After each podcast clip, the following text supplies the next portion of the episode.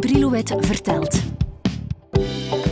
Een swingende podcastreeks over de meest iconische hits en hun al even legendarische uitvoerders. Nee, nee.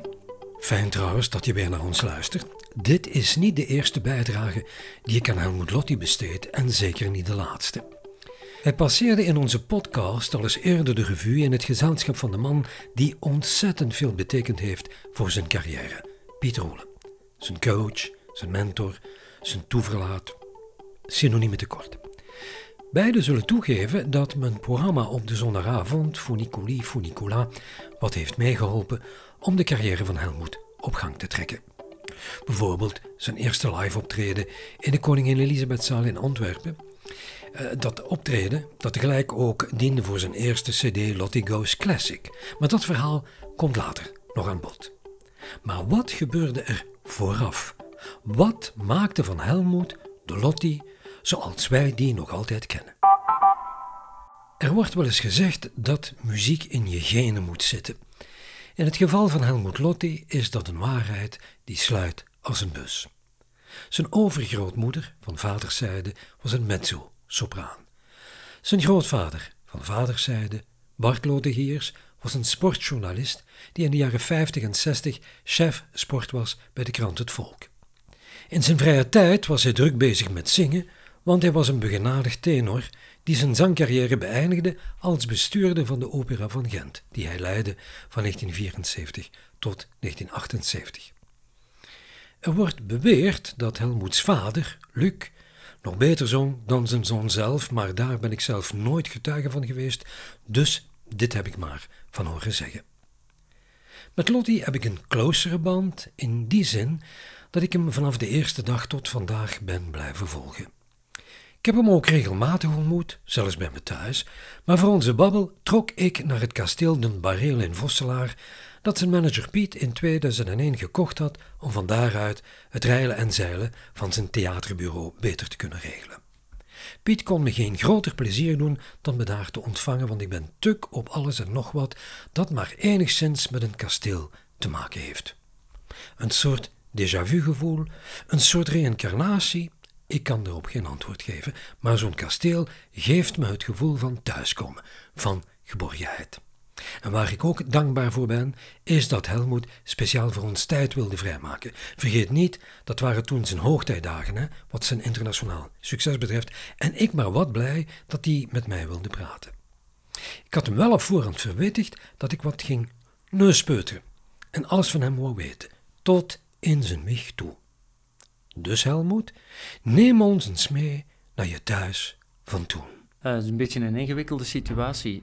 In het begin waren wij uh, dus met uh, mijn moeder, mijn vader eh, en ik en twee broers. Ik ben de oudste van drie. Mijn ouders die zijn gescheiden toen ik zes jaar was. Ehm, toen is mijn moeder hertrouwd en toen is er nog een vierde kindje bijgekomen. Die heet James. Dus is mijn jongste broer, die is acht jaar jonger dan ik. En wij waren thuis eigenlijk allemaal met iets anders bezig. Uh, mijn broer Johan die luisterde voornamelijk naar uh, hardrock, uh, Kiss en Iron Maiden. Um, mijn broer Kurt die ging vissen, ik ging fietsen en James die was te klein, die was gewoon ja, thuis. Mijn vader was ook zanger. Ja, mijn vader die had in de week werk als um, ober in een restaurant. Eigenlijk was hij chef-kok van opleiding. Ehm, maar in het weekend ging hij zingen. Hij had zijn eigen groepje, uh, zijn eigen muzikanten, vast in dienst. En uh, hij zong van alles. Eigenlijk net zoals ik nu doe. hij zong zowel operettes als rock and roll, uh, The House of the Rising Sun en zo. Dat, heel, heel leuk repertoire. En The Platters, Only You. Mijn moeder die verkocht soep en ijsroom. Daar is een paar jaar geleden mee gestopt. Mijn moeder die kan zingen. Ze heeft geen sterke stem, maar ze zingt wel juist. Ze is een alt aan de lage kant zo. En ze speelt uh, accordeon, uh, maar zonder partituren. Gewoon op gehoor kan zij liedjes spelen op haar accordeon. Het is nog een echte oude accordeon met um, knopjes aan allebei de kanten. Dus geen, geen klavier zoals op moderne accordeons. En um, ze speelt ook een beetje piano. Dus thuis was er veel muziek, neem ik aan. Werden er platen gekocht? Was er veel radio of? We hadden thuis geen radio. Uh, het enige wat wij hadden was een, hele oude pick-up. Dus een witte plastiekene. En eh, ik mocht daarmee spelen. En eh, zo is bij mij de liefde voor muziek eigenlijk begonnen. Omdat wij thuis ook alleen maar oude platen hadden. Dus Bert Kempfert ehm, hadden wij. Dat was mooie muziek. Dan de grootste hits van Engelbert Humperdinck. Um, allee, ja, de kroner dan. Um, dan ook, ook muziek van Tom Jones. En een album van Elvis Presley. Um, het eerste liedje wat ik ooit gehoord heb van Elvis was Come on everybody and snap your fingers now. Uit de film Viva Las Vegas. Hè. Um, en ja, de eerste keer dat ik Elvis hoorde veranderde mijn leven. Had jij niet een oude ziel in een jong lijf? Want ik kan aannemen dat jouw jonge vrienden totale andere dingen graag hoorden. Ja, ja, op school was ik een absoluut buitenbeentje. Ik liep dan Elvis te zingen. En... Waar liep je naar school trouwens?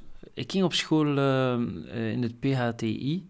Ehm, dat was dan het middelbaar, maar eigenlijk in de lagere school werd er over muziek nog niet zoveel gesproken. Dat is pas begonnen in het middelbaar toen U2 begon en de Simple Minds en zo. Uh, dat was allemaal uh, mensen in zwart gekleed, tipschoenen, um, uh, haar zwart geverfd, zwarte streepjes rond de ogen en onder de ogen. En allee, ja, The Cure en zo. Hè. Iedereen had zo'n look in die tijd. En ik was ondertussen naar Elvis aan het luisteren en ik vond dat allemaal vreselijk slechte muziek, uh, al die moderne muziek. Tegenwoordig hoor ik dat dus wel graag. Ik loop gewoon twintig jaar achter. Die middelbare school, wat volgde je daar dan? Welke afdeling? Ik heb daar secretariaat talen gedaan. Ik kan dus blind typen met tien vingers. Ehm, en ik kan redelijk goed Engels, Duits. Mijn Frans is iets minder, toch? En heb je dat helemaal afgemaakt? Ik heb daar een uh, A2-diploma in gehaald. En dan ben ik nog verder gegaan met een specialisatiejaar informatica, maar daar zat ik gewoon om, om niet naar het leger te moeten gaan, eigenlijk. en daarna ben ik A1 beginnen studeren, maar ik was het allemaal zo beu als koude pap. Dus um, op het moment dat ik in de A1 terecht kwam, om dus nog verder te gaan, kreeg ik de mogelijkheid om, om dan ja, de Soundmix Show mee te doen in Nederland. Um, voor de juiste orde, ik ben eerst begonnen als mijzelf um, met uh, Soundmix-wedstrijden. Ik, ik deed dus Elvis, maar ik had helemaal geen artiestennaam. Ik schreef mij gewoon in al als Helmut Lotigiers um, op Soundmix-wedstrijden. En dat was dan eigenlijk alleen maar omdat mijn wielercarrière mislukt was. Want ik wilde eigenlijk wielrenner worden, maar daar was ik niet snel genoeg voor.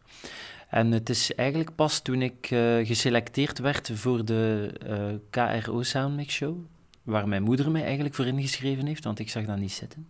Het is pas op, uh, op het moment dat, dat ik dus met de mensen van ABC Studio in contact kwam, die die organisatie in België regelden van de Belgische preselecties voor de Nederlandse Soundmix Show. Het is pas op dat moment dat iemand um, Ginder mij de artiestennaam Kevin Leach gegeven heeft. Die artiestennaam heeft het ook maar gered tot op het moment dat ik terugkwam uit de Soundmix Show in Nederland en dat ik een contract aangeboden kreeg door BMG België, BMG Ariola. En toen heeft Linda van Waasbergen mij de naam Helmut Lotti gegeven. Dus Kevin Leach heeft eigenlijk maar een negental maanden bestaan, denk ik. De eerste keer dat ik op een podium stond was ik um, zes jaar. Dat was in de Opera van Gent, waar mijn grootvader toen directeur was. Maar dat was een uh, klein rolletje in uh, de operette Frederica. Waar ik niet echt moest uh, zingen, maar alleen een trap moest aflopen. Tante Riekje, Tante Riekje roepen. Naast Frederica gaan zitten en... En Frederica ging toen beginnen zingen, maar ik had al die repetities meegemaakt. En ik begon dus tijdens de première van dat stuk uh, gewoon mee te kwelen. Waardoor het hele orkest stopte, iedereen in de zaal lachte en die mannen allemaal tikten met, met hun stokken tegen de violen en zo. Om, omdat ze het wel ongelooflijk grappig vonden wat daar gebeurde. Wat voor invloed had opa dan? Mijn opa had verder geen invloed, om, ik, omdat ik, uh, ik was toen nog klein en toen mijn ouders gescheiden zijn, heb ik met hem eigenlijk zo goed als geen contact meer gehad. Maar het is echt wel genetisch bepaald, de muziekmicroben. Want op school, uh, ik, ik luisterde dan naar Elvis en in de lagere school leerden we dan liedjes. En als ik die dan zong, dan zong ik die eigenlijk altijd zo'n beetje op een Elvis-manier. Um, zo was er een liedje uh, Cowboy Billy is een rare met zijn mondharmonica. Zong, zo zong iedereen dat dan. En ik ging dan zingen. We, mochten dan elk om beurten dat liedje zingen in de klas. En ik begon dan... Cowboy Billy is een rare met zijn mondharmonica. En dat liedje begon daarvan te leven. Omdat ik daar die Elvis swing in stak. Uh, ik was trouwens toen al fan van Perry Como, van yeah, yeah, yeah, yeah, yeah, cause love makes the world go round. Dat soort muziek hoorde ik toen al graag als kind. En de jongens in de klas uh, die kwamen op de speelplaats vragen: Helmoet, zing dat liedje nog eens. Terwijl ik zoiets had van, uh, ja, waarom? Ik, ik had lang haar, ik werd meestal gepest, ook met het feit dat mijn moeder ijs verkocht, waar ze dan wel allemaal van aten, dus waarom ze mij daarvoor moesten pesten, dat begrijp ik niet zo goed. Maar uh, in elk geval, ik kreeg appreciatie toen al, op achtjarige leeftijd, als ik mijn mond opentrok om te zingen. En dan ga je verder in je middelbare studies ook zingen, neem ik aan. Trad je dan op? Um, ik heb uh, twee keer een open deurdag gedaan op school. En dat was twee keer Elvis. Het eerste jaar heb ik dat gedaan, meezingen met de plaat. Uh, omdat, omdat ik nog geen orkestbanden had of zo. En het tweede jaar heb ik uh, Can't Help Falling in Love en In the Ghetto gedaan. Toen was ik uh, 16. En toen heb ik dat gedaan gewoon met een gitarist. dus met akoestische gitaar. En dat was eigenlijk veel leuker om te doen. En ik heb zelfs gezongen ehm, op de proclamatie. De inspectrice vond dat totaal misplaatst, maar onze directeur die vond dat fantastisch. En achteraf bekeken uh, heeft, heeft de man het toch redelijk helder gezien.